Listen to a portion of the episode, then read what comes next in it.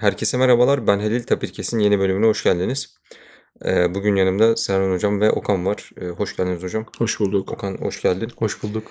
Ee, hocam yeni dönemde IEEE Turkey PDE yani Türkçe açılımıyla mesleki gelişim ve eğitim aktiviteleri koordinatörlüğüne atandınız.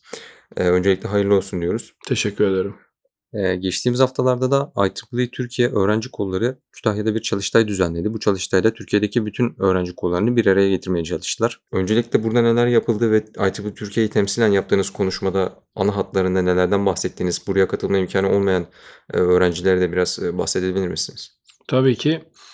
Ee, öncelikle şunu söyleyeyim. Ee, yeni göreve e, atandıktan hemen sonra aslında belki de takip eden arkadaşlar biliyordur. Oraya katılanlar da zaten e, hatırlayacaklardır. Etkinlik Kütahya'da oldu. Yoğun bir hava muhalefetinin olduğu ve bizim bu bize görev tevdi edildikten hemen sonra haberimizin olması hasebiyle ben aslında etkinliğin başında değil ortasında katılmak zorunda kaldım. Ee, dediğiniz gibi IEEE Türkiye'yi temsilen orada bulunduk.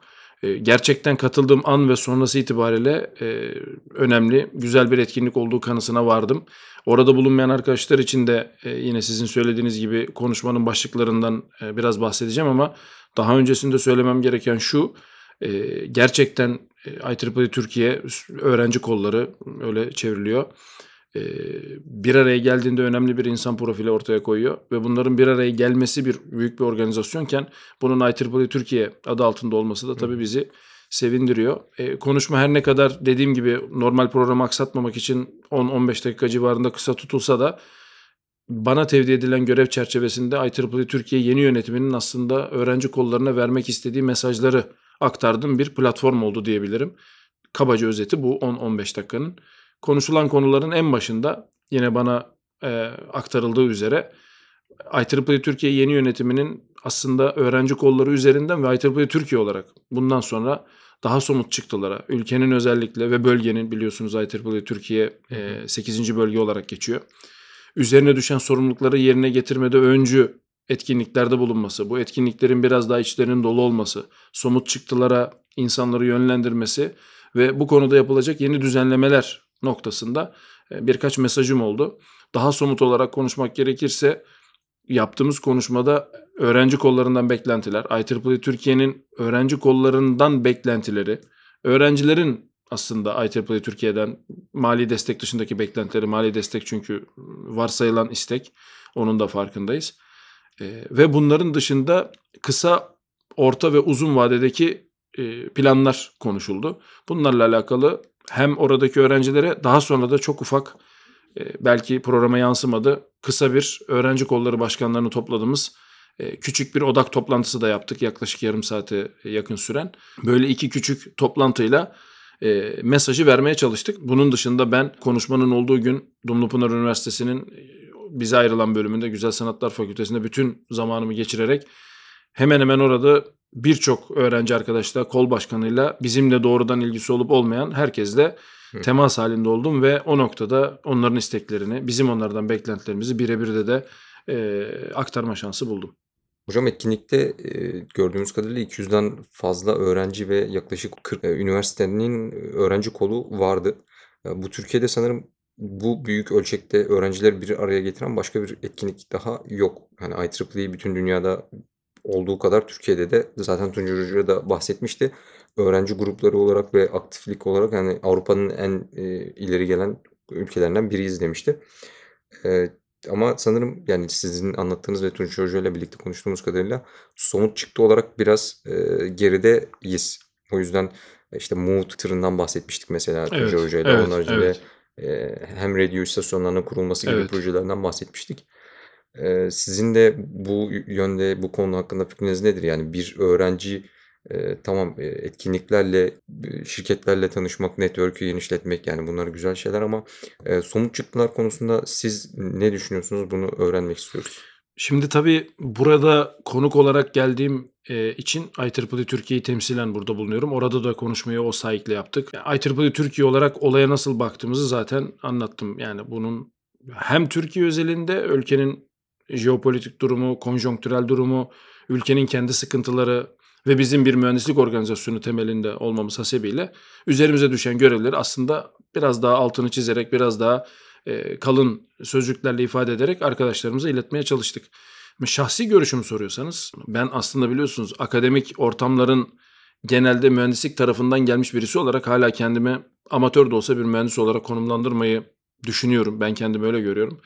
E, somut çıktının olmadığı etkinliklerin açık konuşmak gerekirse böyle bir organizasyon altında oranının biraz beklenenden fazla olduğunu düşünüyorum. Bu benim şahsi fikrim dediğim gibi. Tunçer Hoca çok yerinde belirtti. Etkinlik sadece işte o İngilizcesi activity bir hareket olsun diye yapıldığında gerçekten Türkiye'de bunun e, belki de hiçbir ülkede örneği olmayacak büyüklükte, ölçekte karşılıkları var. Hatta orada bile planlanan benim şahit olduğum e, çeşitli kamplar, etkinlikler bütün kollar tarafından işte bizim koordinatörlüğümüz altında olan, başka koordinatörlükler altında olan ya inanılmaz bir devingenlik var. Ben buna etkinlik demiyorum, devingenlik diyorum.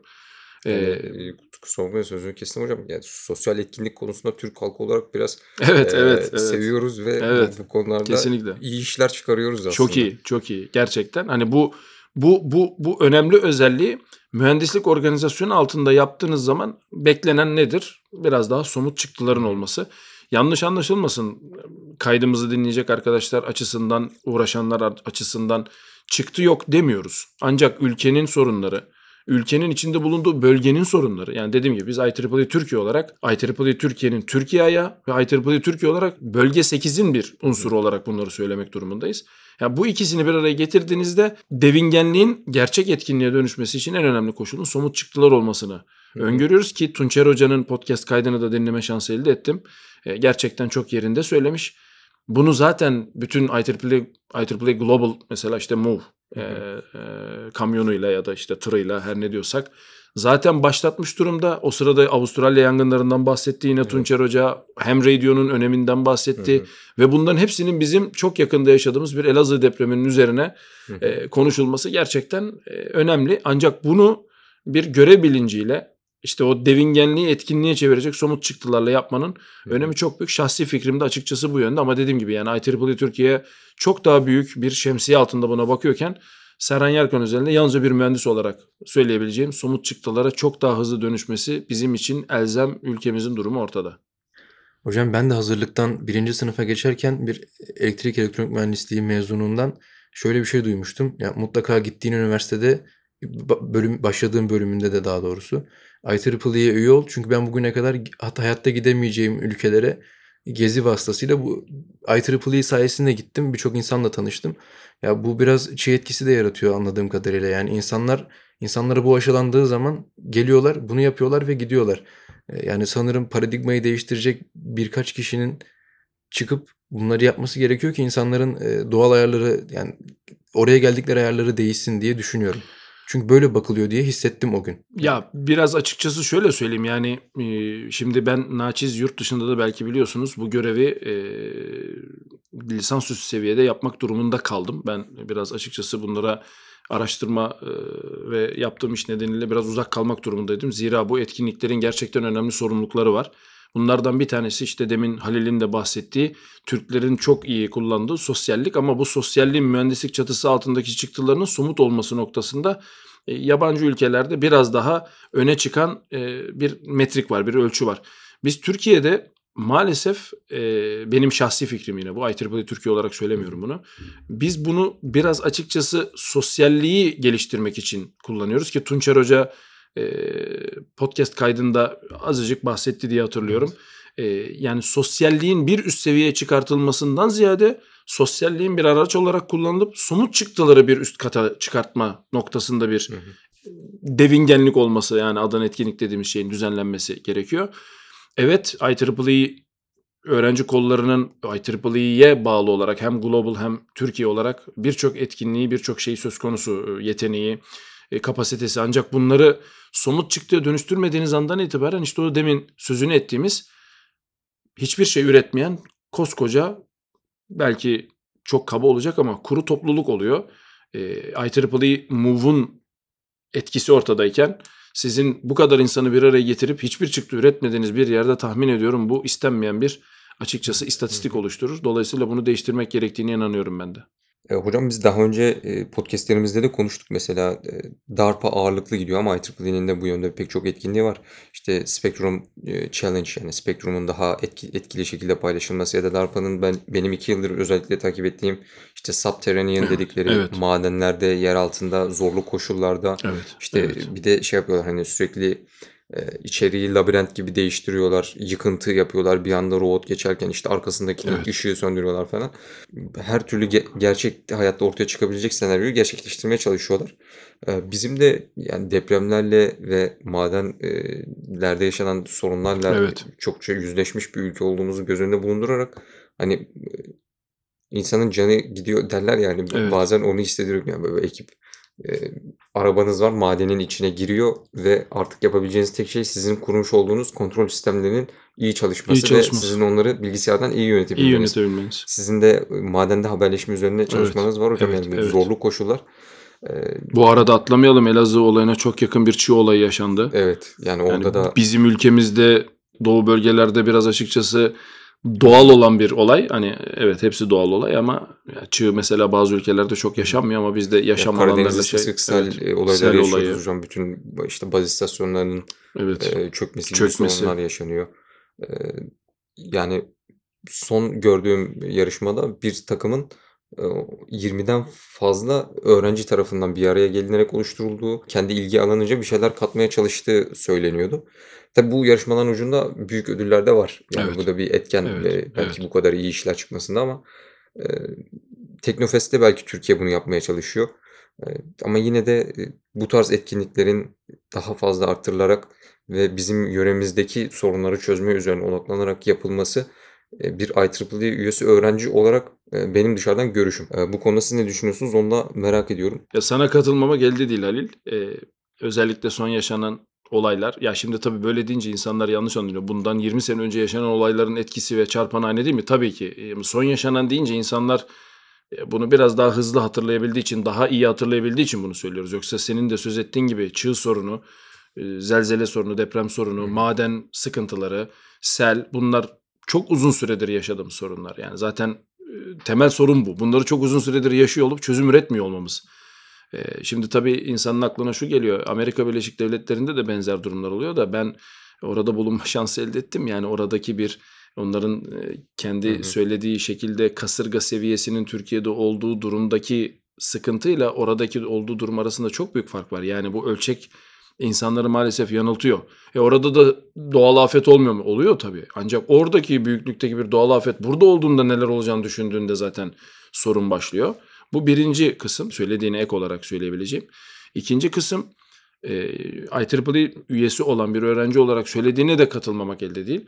Orada da yine iki tane durum söz konusu bence. Birincisi özellikle ortaya konan işte onlar challenge diyor şimdi yani yarışma Evet, evet. değil yani bu işte biz Türkçe'de ne diyelim e, aşılması gereken çıta belki bilmiyorum tam karşılıyor mu challenge'ın tam karşılığı E, bizde bu olaya bakış maalesef öyle değil bizde buna bir yarışma gözüyle bakıldığı için yani vardır ya meşhur hikaye bir ormanda seni ayı kovalıyorsa ne kadar hızlı koşmalısın E, maalesef Türkler yandakinden hızlı diye yanıt veriyor. E, şimdi bu bunu buradan ayırmamız gerekiyor. Burada yapmaya çalıştığın şeyin gerçekten bir faydası olacaksa insanların hayatlarını kurtarması söz konusu olduğu için elinden gelenin en iyisini yapman gerekir. Bunu bir yarışma formatında yapmak ise olaya biraz daha heyecan katmak, kıyaslanabilirlik, ölçülebilirlik sağlamak içindir. Kazanmak için değildir bu tarz şeyler. Yarışma dediğimiz Türkçesi yarışma olan etkinliklerdeki ikinci sorun ise yine Kütahya'da karşılaştığım bir durum. Tunçer Hoca ile de konuştuk. Yarışmanın değerlendirilmesi konusunda ortaya çıkan asimetrik ölçek. E, bir örnek verelim. Yarışmanın kuralları eğer tam olarak belirlenmişse ancak ölçekleri belirlenmemişse Hı hı. bir takım olabildiğince bütün gücüyle en büyük donanım, teçhizat desteğiyle oraya gelip A sorununu önemli bir şekilde çözüyor. Ancak bu imkana sahip olmayan bir B takımı, bir B öğrencisi hatta bireysel Hı hı. kendi şahsi imkanlarıyla oraya gelip e, haliyle diğerinin kadar vitrinde olmayan bir çözüm üretiyor aynı soruna. Şimdi siz bu ikisini aynı terazide tartmaya kalkarsanız iki tarafa da haksızlık edersiniz. Yani gerçekten en büyük donanımla gelen çok kötü iş yapmış değildir. Orada az emek sarf edilmiş değildir. Kendi imkanlarıyla gelen zaten ortada. Şimdi bu ikisini sen aynı kefeye koyduğunda tanım gereği ikisine birden haksızlık yapıyorsun. Ee, inşallah Tunçer Hoca'yla e, bunu istişare ettiğimizde de IEEE Türkiye olarak yine bu konuda da eğer bize başvurulursa e, denetimlerin ve ölçütlerin bu noktada çok daha iyi tanımlanması gerektiğini e, söyleyeceğiz ve bu konuda çeşitli adımlar atacağız ama senin en başta söylediğine geri gelmek istiyorum. Bu aslında bir yarış değil. Bu aslında çıtayı daha üste nasıl taşırız sorunsalı. Evet. Challenge diye Amerikanca söylenen e, ama bizde karşılığı maalesef yarışma olarak ifade edilen bir durum. Mücadele gibi olabilir mi acaba? Bence de öyle ama bizde de mücadele genelde futbolla ilişkili kavga, dövüş, e, kırmızı kartın bolca olduğu bir durum hatırlatıyor. Yani o yüzden ben hani kendim çok kötü bir jargon ama çıtayı tercih ediyorum. Çıtayı hı. Bir üste taşıma olarak değerlendiriyorum ki burada gerçekten bireysel sporlarda olduğu gibi yani sen yarışmanın birincisi olabilirsin ama kendi rekorunu kırmadığın zaman açıkçası çok başarılı olmuyorsun. Ben de aynı saygıyla davranıyorum ve öyle düşünüyorum. Ee, kesinlikle ve kesinlikle senin sözünü ettiğin özellikle Subterranean Challenge. Hatta ben e, CMU'nun yani Carnegie Mellon'ın e, testini yaptığım madende ölçüm alma şansı elde etmiş bir insanım. E, gerçekten oradaki koşullar şu an kullanılmayan bir maden orası bu arada. E, ama oraya yine madenciler denetiminde giriyorsunuz. E, gerçekten çok zorlu koşullar. Ben bir de e, çalışan madende de ölçüm yapma şansı elde ettim. İşte günler öncesinden hazırlık, işte bir sürü e, işte sertifika falan filan. E, gerçekten insanın biz yeryüzünde yaşayan kişiler olarak yani standart hayatımız orada yaşamayan insanlar olarak kesinlikle hayal edemeyeceği ortamlar. Evet, gerçekten çok zor ortamlar. Yani şimdi orada yaşanan bir sorunun insanları orada nasıl hissettirdiğini, yukarıda kalanlara nasıl yardım gözüyle baktığını oraya girince daha iyi anlıyorsunuz. Dolayısıyla ülkemizin sorunları göz önüne alındığında kesinlikle ve kesinlikle işte Amerikancısı challenge olan bizde de senin deyiminle mücadele, ben de işte çıtayı bir üste taşıma etkinliklerinin bu sahikle düzenlenmesi ve sonuçlarının da bu şekilde değerlendirilmesi gerektiğini ben düşünüyorum. Ee, inşallah bundan sonra bunları yapmak için gerekli çalışmaları yapacağız. Hocam bizim de takip ettiğimiz kadarıyla Halil de bahsetti. DARPA'daki e, şey de vardı. Spektrum e, korumak adına, ya Spektrum'daki alanları korumak adına yapılan yarışmalarda da yani oradaki ödüller yarışmacıların bundan sonra çalışmalarına biraz daha rahat devam edebilmeleri adına sağlanıyor gibi gözüküyor. Hani en azından burada tabii ki insanların hepsini kapsamadan konuşuyorum. Yani istatistikte tamamen elimde yok. Yani bunun tamamen Türkiye için böyle olsa daha mı iyi olur açısından söylüyorum. Yani acaba insanlar hizmet etmeye ya da yaptığı işi, sevdiği işi yapmaya devam etsin diye mi e, teşvik edilmeli? Bence bu Türkiye'de böyle olmalı diye düşünüyorum hocam. Ben de şu yarışma şimdi söylediğin aklıma geldi. Ee, İşte Ay'a gittiğimizde, Mars'a gittiğimizde oradaki evleri nasıl inşa edeceğiz problemi çıkınca evi 3D printed olarak yapabilir miyiz diye düşünüp dünyada 3D printed ev yapmaya çalışan 4-5 takım vardı büyük. Bunlara milyonlarca dolar yatırım yapılıyor ve yani bir seviyeye geçtikçe senin bir hı. kat daha para alıyorsun. Bir seviyeye geçtikçe bir kat daha para Evet. alıyorsun ve sonuçta ortaya çıkan şey büyük ihtimalle zaten patentini ve haklarını sonrasında alıp ya da o ürün- o takımla birlikte çalışmaya devam edip büyük ihtimalle o giden mekiğe yükleyecekler ve Hı orada ürün olarak kullanılacak Evet, yani. evet. Dünyadaki bir yarışmadan çıkan e, ürün Mars'ta belki ev yapacak Evet, yani. ev olacak Ev evet. olacak yani. O- Evet. O, Şu an- güzel bir şeydi. Birlikte izlemiştik sanırım. Hı Böyle hı. Biz işte Şu an 3D Çin'de zaten yapıyoruz. insanlar o evlerin içinde kalmaya başladılar diye biliyorum. İşte saatler içinde e, sanırım yüze yakın ev üretilmişti ve insanlar onun içine girip tuvalet, mutfak ihtiyaçlarını karşılayabilecek şekilde kalıyorlar diye biliyorum. Yani bu yapıldı da yani. Tüm sonucunda dünyada da hizmet ediyor. Sonucunda Evet. ürüne Hı hı. dönüştürebildikleri etkinlikler var. Ya burada dediğim gibi bu etkinliklerin hani Türkiye özelinde, bölge özelinde ve hepsinin altında bunun bir mühendislik organizasyonu olduğu için IEEE özelinde konuşuyorum. Kesinlikle bir somut çıktıya dönüşmesi bence şart. Ama burada bir anahtar şey var ya Okan'ın söylediğinden e, ve sizin sonra eklediğinizden çıkartmaya çalıştığım şuydu. Bir ürünün daha doğrusu bir fikrin kendisini ispat ettiği ve bu ispatın ancak yatırım yapılmaya değer olduğu bilgisi takdir edersiniz ki ticari anlamda tırnak içerisinde risk taşıyor. Yani bunu kimse yekten bir ticari benim böyle bir fikrim var. Bu fikri hemen bir işte e, startup'a dönüştüreyim ve buradan ya bu yatırım dünyanın her yerinde büyük risk. Bu riski telafi edebilmek için, bu riski göğüsleyebilmek için böyle organizasyonlar bu yarışmaları açıyor. Yani dolayısıyla olaya biraz geriden organizasyon şemsiyesiyle baktığımızda ne görüyoruz? Bu riskleri göğüsleyecek bir mecra oluşturmak. E Çünkü bu insanların gerçekten iyi bir fikri olabilir ama bunlar kendisini ispat edemeyebilir. ispat edenler de yol alamayabilir. Dolayısıyla bunun bu bir risk. Araştırma böyle bir şey yani öyle değil mi? Yani e, Edison'da bildiğimiz kadarıyla birçok deneme yaptı ancak bunlardan bir tanesi şu an bizim istediğimiz ya da birkaç tanesi e, kendisine hayat buldu. Dolayısıyla o başarısız tırnak içerisindeki denemelerin biri tarafından göğüslenmesi gerekiyor. İşte bu göğüslenme mecrasına e, Amerika Birleşik Devletleri başta olmak üzere işte IEEE yine global başta olmak üzere challenge adı verdikleri işte biz de şimdi mücadele ya da işte çıtayı yukarı taşıma etkinlikleri altında yapıp bunun çıktısı olan somut ürünlerin önü açık olanlarının desteklenip teşvikle daha da öteye götürülüp ve işte yine Halil'in de senin de söylediğin gibi somut ürüne dönüştürülmesi zaten e, bir ürün çevrimi açıkçası böyle yapılıyor. Tek fark şu e, yine sizin ilgilendiğiniz alan olduğu için söylüyorum.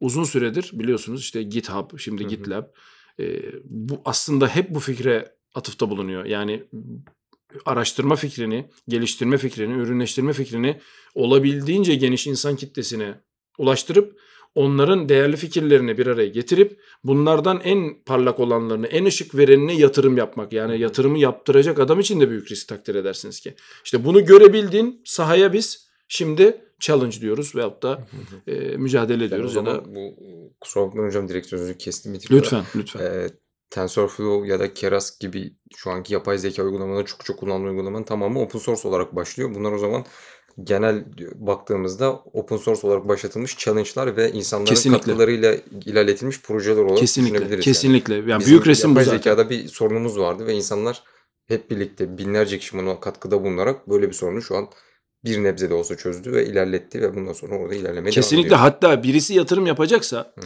işte melek yatırımcı deniyor biliyorsunuz. Ya birisi yatırım yapacaksa onun melek olabilmesi için onun en az riskliyi seçmesi gerekir ve bu riski Hı hı. takdir edersiniz ki kağıtta denklemle yazmak insan psikolojisi işte süreçler konjonktürel değişimler çok karmaşık bir denklem. Onun yerine ne yapıyorsunuz? Hı hı. Gerçek sahaya insanları bırakıyorsunuz sorunu iyi tanımlayıp ya da sorunun bir parçasını.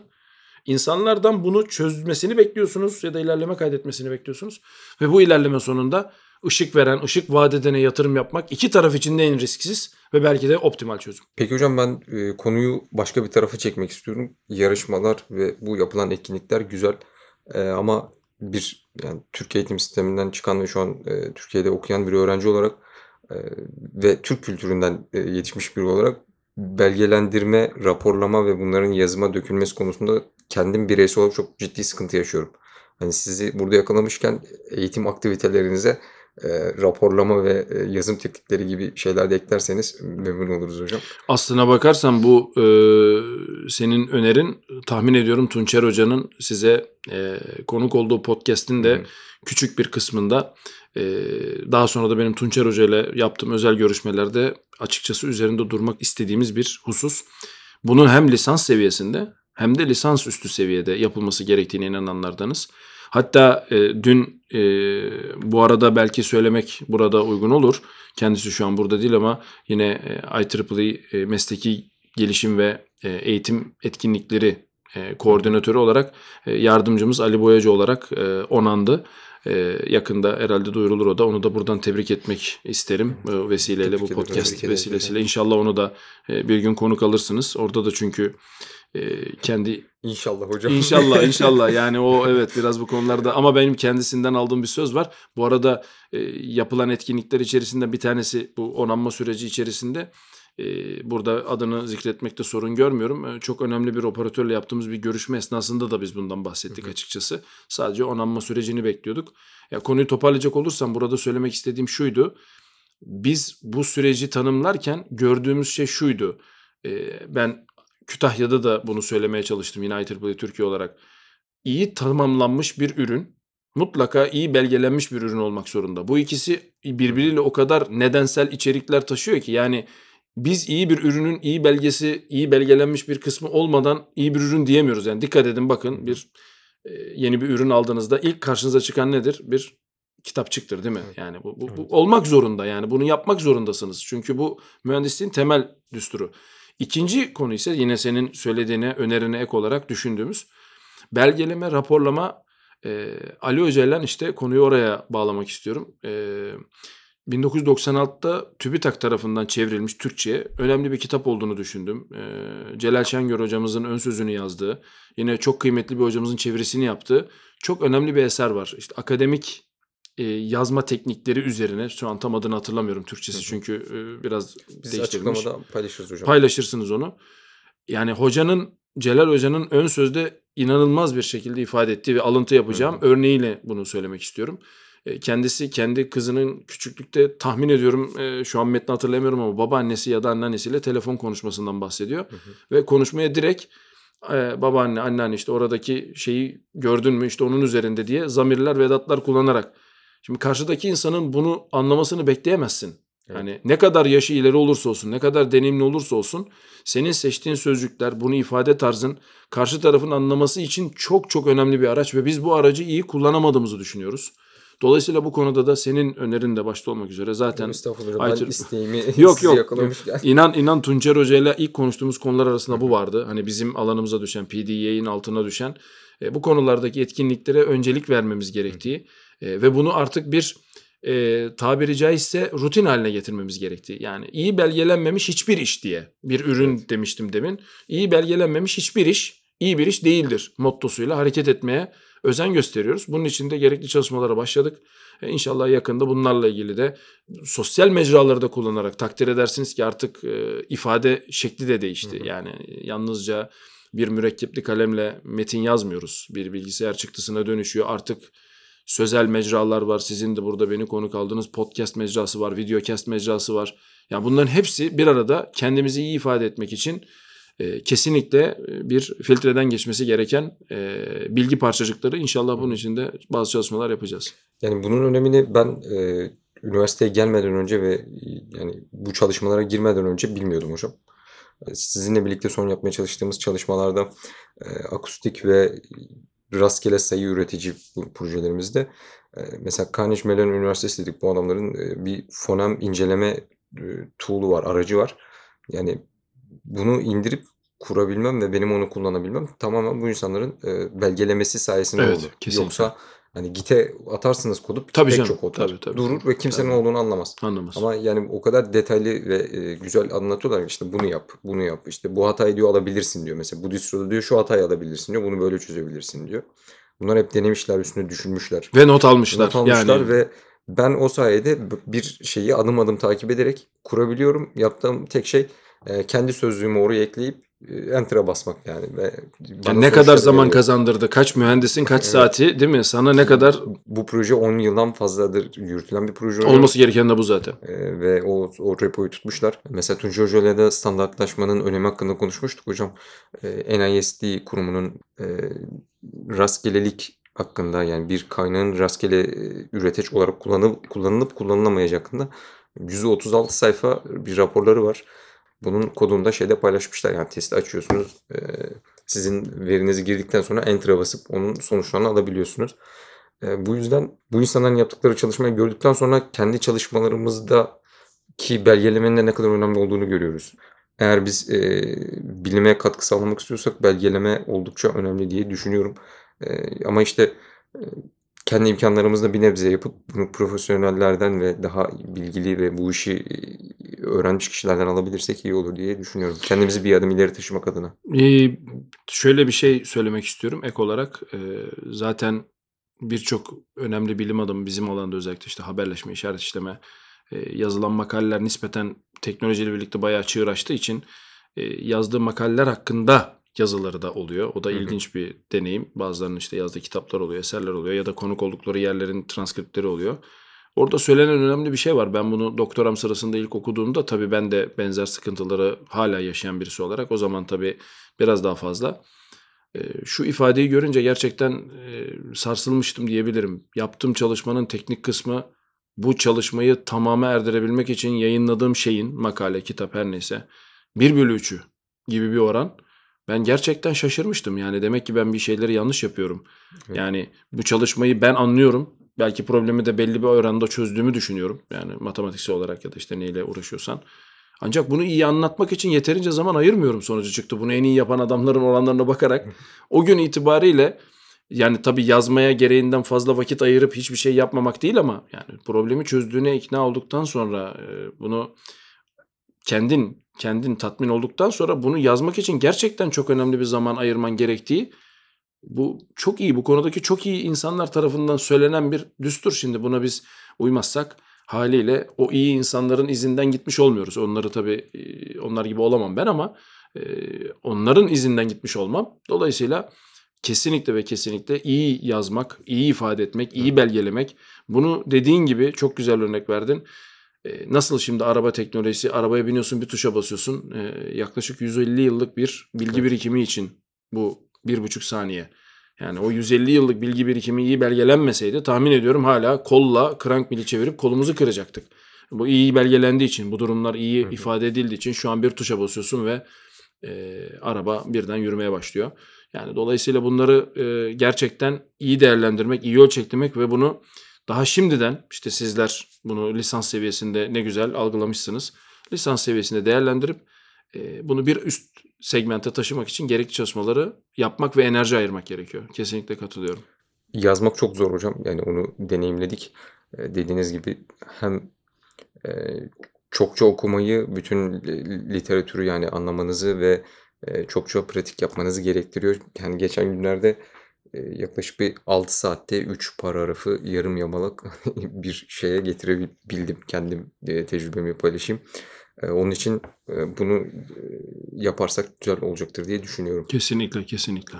Çalıştığım son 1-2 konuda da hep yani benim gittiğim yer mesela Bell Lab diye bilinen işte Bell laboratuvarlarında araştırmacıların yaptığı çalışmalar ve onların eee, raporlanmasıydı. Yani hem randomness üstünde çalışırken eee, Shannon'ın yine yazmış olduğu A Mathematical Theory of Crypt- Cryptography raporu ki bu önce başka bir isimle paper olarak yayınlanmış, gizliliği kaldırdıktan sonra paylaşılmış ya da eee Shannon zaten bildiğimiz Mathematical Theory of Communication, Communication. var mesela. 1948 evet. Yani bunlar 48 eee, 50 yani günümüzden 70 yıl önce yazılan paper'lar ama eee, literatürü okumaya başladığınızda bir önceye, bir önceye, bir önceye, bir önceye gittiğinizde genelde oradan Evet, Lab'den Bell Lab. geçmeden yani benim yap, eee, araştırdığım konularda en azından öyleydi. Eee, daha ilerisine gitmedim. Yani Bell Lab'den kesin geçmek gerekiyor Evet, oradan. evet. Eee, ve çok güzel anlaşılır oluyor yani şeyleri. Dediğiniz gibi bu konuda hem kendimizi geliştirmek hem de belki de eksiğimiz budur hocam yani biz yaptığımız işler vardır ama bunları aktarmadığımız için sürekliliğini sağlayamadığımız için ya da eee, güzel şeyler oluşturamıyoruzdur. Ya çünkü herhangi bir konuda araştırma yaparken okuduğunuz bir makalede yani beşte birinde falan bir Türk ismi görüyoruz hocam yani aslında yani Evet. yapamayan bu işlerden hiç anlamayan kafası basmayan insanlar değiliz. Değiliz, değiliz. Eee, ama eee, yurt içinde ya da kendi aramızda bazı sorunlarımız var. Ya biraz da tabii olayın demografik sorunu da var biliyorsunuz yani Türklerde e, yazılı kültür biliyorsunuz Hı yani bir işte bizim hep örnek gösterilen e, Avrupa kültürüne göre Batı kültürüne göre Avrupa kültürüne göre Batı kültürüne göre hatta belki Uzak Doğu kültürüne göre bile az yani işte Hı hı. Çinlerin yazılı kaynaklarının ne kadar eski olduğunu bildiğimiz için işte Sanskritlerin işte Hintlerin aynı şekilde ama Türkler özelinde böyle bir durum var.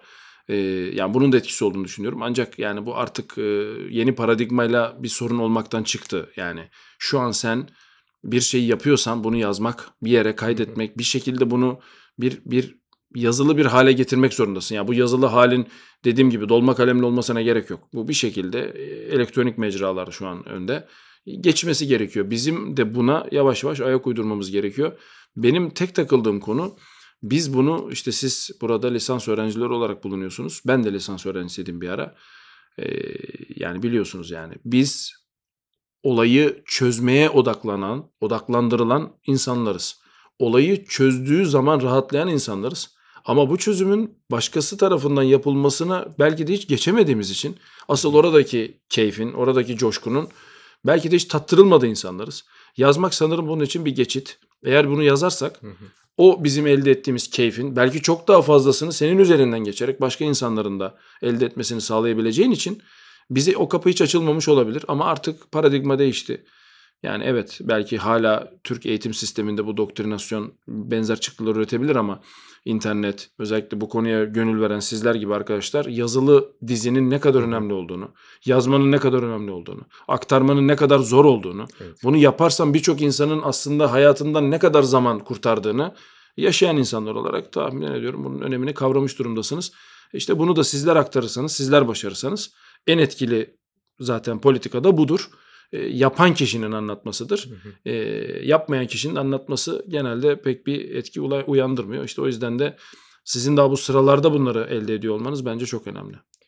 Yani şu an e, tabii ki yaptığımı söyleyemeyeceğim hocam ama yapmaya çalışıyoruz ve inşallah başarılı olabiliriz bu konuda. E, söylediğiniz anlık çözüm konusunda da deprem olduktan sonra işte bir programda şeyden bahsedildiğini duymuştum. E, işte Türk milleti olarak biz e, herhangi bir olay olduğu anda aniden çok Evet, iyi bir evet. şekilde tepki verebilen Risk Ama, algısı evet, düşük. Hatta uzun vadeli oydu. olarak risk algısı düşük yani o- Evet. olan bir milletiz e, denmişti. Tabii ya burada e, yanlış anlaşılmasın yani Türkleri eleştiriyorum da bunun içinde ben varım. Yani Tabii, ben tabii, aslında kend- tabii. bu söylediğim her şeyi kendime eleştiri olarak Tabii, yönettiğim tabii. için ve kendi tecrübelerimden ötürü söylüyorum. E, bu konularda inşallah gelişmeler gösterebiliriz. Zaten e, IEEE Türkiye PDA olarak da zaten birinci biliyorsunuz e, bize atanan görevin başında bu geliyor. Farkındalık. Ama buradan birisine kalk dediğin zaman nereye oturacağını söylemeyince bu da anlamsız. Yani bu farkındalığı yarattık şimdi ne yapalım yine anlamsız. Bu farkındalığın sonunda bir takım insanlara neyi nasıl yapacağını da hani biz çok iyi bildiğimizden değil haşa onu kastetmiyorum ama bunun bir aracısı olarak bu görev bize tevdi edildiği için en iyi bilen insanlarla bu gönül veren insanları bir araya getirmek gibi bir de biliyorsunuz misyonumuz var. Bununla alakalı da çalışmalar yapacağız. Ee, yoksa ben de hala bir öğrenciyim. İnşallah o insanları ben de dinleme şansı elde eder ve kendime e, daha büyük bir katkıda sağlayabilirim. Yani dolayısıyla IEEE Türkiye olarak da bize tevdi edilen görevde bu farkındalık ve bu farkındalığın bir adım sonrasında uygulamaya nasıl geçileceğini insanlara anlatmak gibi bir misyonumuz var ve bu konuda biraz açıkçası omuzlarımız e, çökmüş durumda. Yani çok ağır bir sorumluluk. İnşallah bunu layığıyla yerine getirebiliriz. Bu süreçte bizler de öğrenciler olarak hem sürece dahil olup tecrübe edinmek hem de bir nebze de olsa katkı sağlamak isteriz hocam. Bugünlük bölümümüzün de böylece sonuna geldiğimizi yavaşça duyurayım hocam ben. Kısaca da bölümü toparlamak gerekirse IEEE Turkey PDA'in bu dönemde işte nasıl etkinlikler düzenlemek istediği ve düzenleyeceği hakkında konuştuk biraz. Kütahya'daki öğrenci kolları çalıştayından bahsettik. Sonrasında öğrenci gözünden biz daha çok konuştuk sanırım orada. E, bir yarışma ya da challenge, mücadele, çıtayı yükseltme nasıl olmalı? E, yabancılar neler yapıyor? Biz e, neler yapmak istiyoruz? Bundan bahsettik.